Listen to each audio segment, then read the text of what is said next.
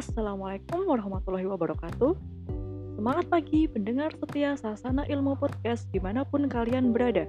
Stay healthy, stay safe. Jumpa lagi di Sasana Ilmu Podcast. Wow, ternyata sudah memasuki episode 11. Nah, kali ini giliran tema kimia nih. Selama beberapa menit ke depan, kita akan coba kulik atau bahas bab terakhir di semester 1 kelas 10, yaitu ikatan kimia atau sebenarnya nanti lebih ke pengantar ikatan kimia. Apa? Ikatan cinta? Bukan, ikatan kimia. Yuk, fokus yuk. Berbicara tentang kimia, kita tidak hanya sekedar transfer pengetahuan saja. Bukan guru memberi, siswa menerima. Tidak seperti itu. Tapi kita semua harus sama-sama belajar, berpikir, bernalar, critical thinking, dan problem solving. Jadi jangan hanya menelan mentah-mentah suatu informasi yang diterima. Namun sebisa mungkin kita harus berpikir kritis. Kita harus tahu dasar atau prinsip dari suatu materi, tidak hanya sekedar hafalan semata. Sehingga di ikatan kimia kita harus tahu dulu asal muasalnya. Kenapa ikatan kimia ada? Kenapa unsur-unsur harus saling berikatan? Apa jadinya jika unsur-unsur tersebut tidak saling berikatan? Untuk dapat memahami hakikat dasar ikatan kimia tersebut, kita perlu mengerti apa yang ada di sekeliling kita, misalnya unsur AU. Apakah unsur ini ada di alam dan dapat ditemui dalam kehidupan sehari-hari? AU merupakan lambang dari unsur emas. Dalam sistem periodik unsur, emas dilambangkan dengan simbol AU.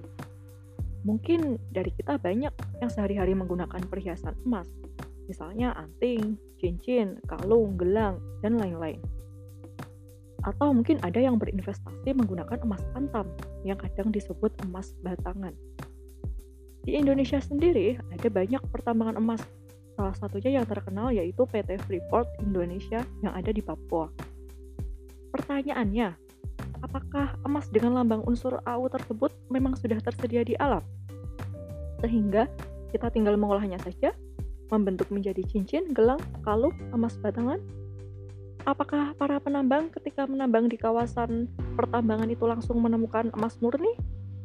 Ya, tentu itu ekspektasi kita. Tapi realitanya tidak semudah itu, Esmeralda. Yang akan kita temukan di kawasan pertambangan itu bukanlah emas murni, namun biji emas. Biji emas atau emas mentah merupakan sejenis batuan yang mengandung mineral penting dengan kandungan emas. Bisa jadi kita sudah pernah menemuinya tapi tidak mengetahui ciri-ciri biji emas. Asalnya, keberadaan biji emas bisa saja ada di lingkungan alam sekitar. Terbilang sulit untuk mempelajari ciri-ciri emas mentah. Biji emas ini jika dilihat secara sekilas tidak akan tampak seperti butiran emas. Oleh sebab itu, banyak orang awam yang tidak mengetahui ciri-cirinya akan melihat biji emas seperti batuan biasa. Untuk itu, kita bisa menggunakan bantuan loop atau kaca pembesar atau mungkin alat-alat lain yang lebih modern. Alat tersebut akan membantu menampakkan kilauan kuning yang merupakan ciri khas dari emas.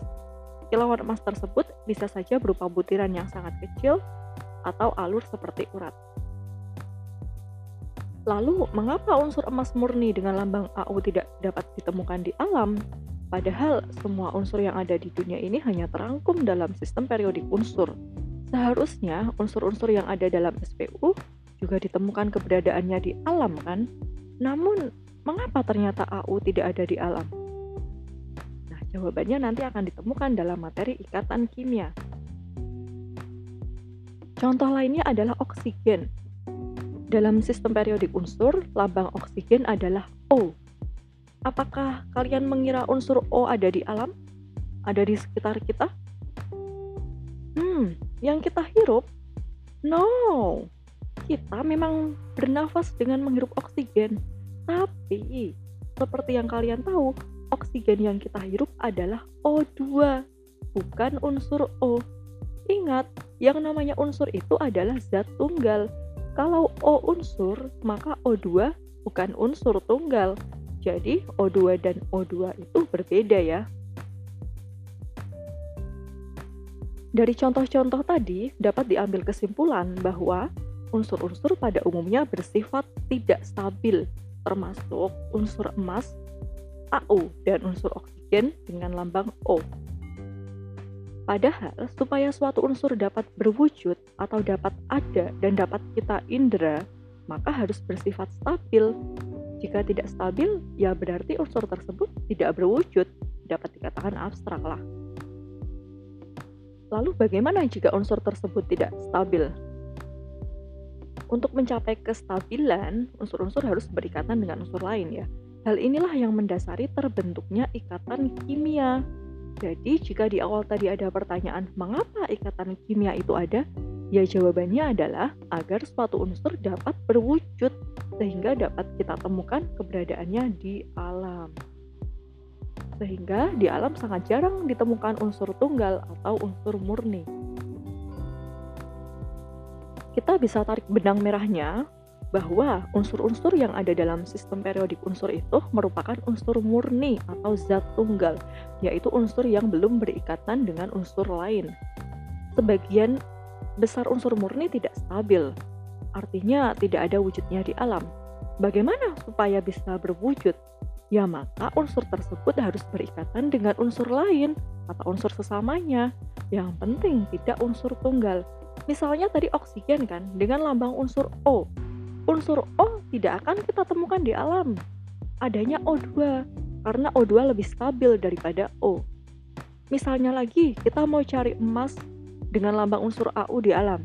Ya tentu tidak ada di alam, adanya adalah batuan emas, yaitu emas yang berikatan dengan unsur bebatuan.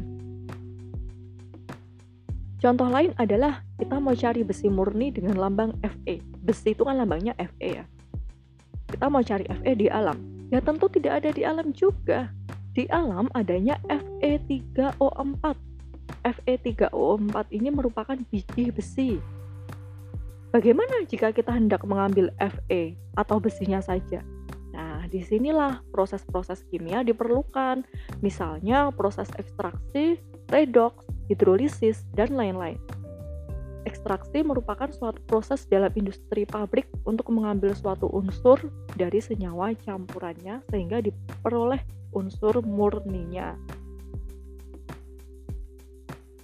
Meskipun sebagian besar unsur kimia tidak ditemukan di alam dalam keadaan murninya, namun ada beberapa unsur yang dapat kita temukan di alam dalam keadaan murni. Unsur apakah itu? Yaitu unsur-unsur golongan 8A. Ingat, Nama lain golongan 8A adalah gas mulia. Apa saja unsur-unsur yang termasuk dalam golongan 8A? Tentu kalian sudah hafal. Heboh negeri Arab karena serangan radon. Itu jembatan keledainya. Berarti ada unsur helium, neon, argon, krypton, xenon, dan radon. Karena unsur-unsur tersebut sudah stabil, maka tanpa perlu berikatan dengan unsur lain, maka sudah dapat kita temukan di alam dalam keadaan murninya. Hal inilah yang menyebabkan golongan 8A sangat istimewa sehingga disebut sebagai gas mulia.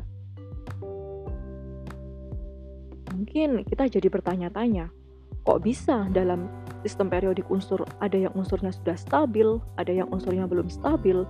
Apa yang membuat perbedaan itu terjadi? Kunci jawabannya adalah pada elektron valensinya. Kita udah belajar tentang elektron valensi. Ingat, golongan menunjukkan jumlah elektron valensi tersebut. Berarti semua unsur golongan 8A memiliki elektron valensi 8, kecuali helium yang hanya punya dua. Elektron valensi 8 disebut oktet. Inilah faktor penentu suatu unsur agar bersifat stabil. Apa pun unsurnya, jika sudah oktet, dapat dipastikan bersifat stabil. Jika belum oktet, maka unsur tersebut akan berikatan dengan unsur lain sehingga menjadi oktet dalam rangka mencapai kestabilan. Sebagai contoh, natrium, lambangnya Na. Na tidak ada di alam karena tidak stabil. Kenapa? Ya karena kan Na hanya punya elektron valensi satu. Supaya oktet, supaya elektron valensinya jadi 8, maka Na akan berikatan dengan klorin yang memiliki elektron valensi 7. Karena Na dan Cl saling berikatan, maka ini elektron valensi mereka berjumlah 8. Na dan Cl ketika berikatan membentuk NaCl. NaCl sudah stabil sekarang karena sudah oktet.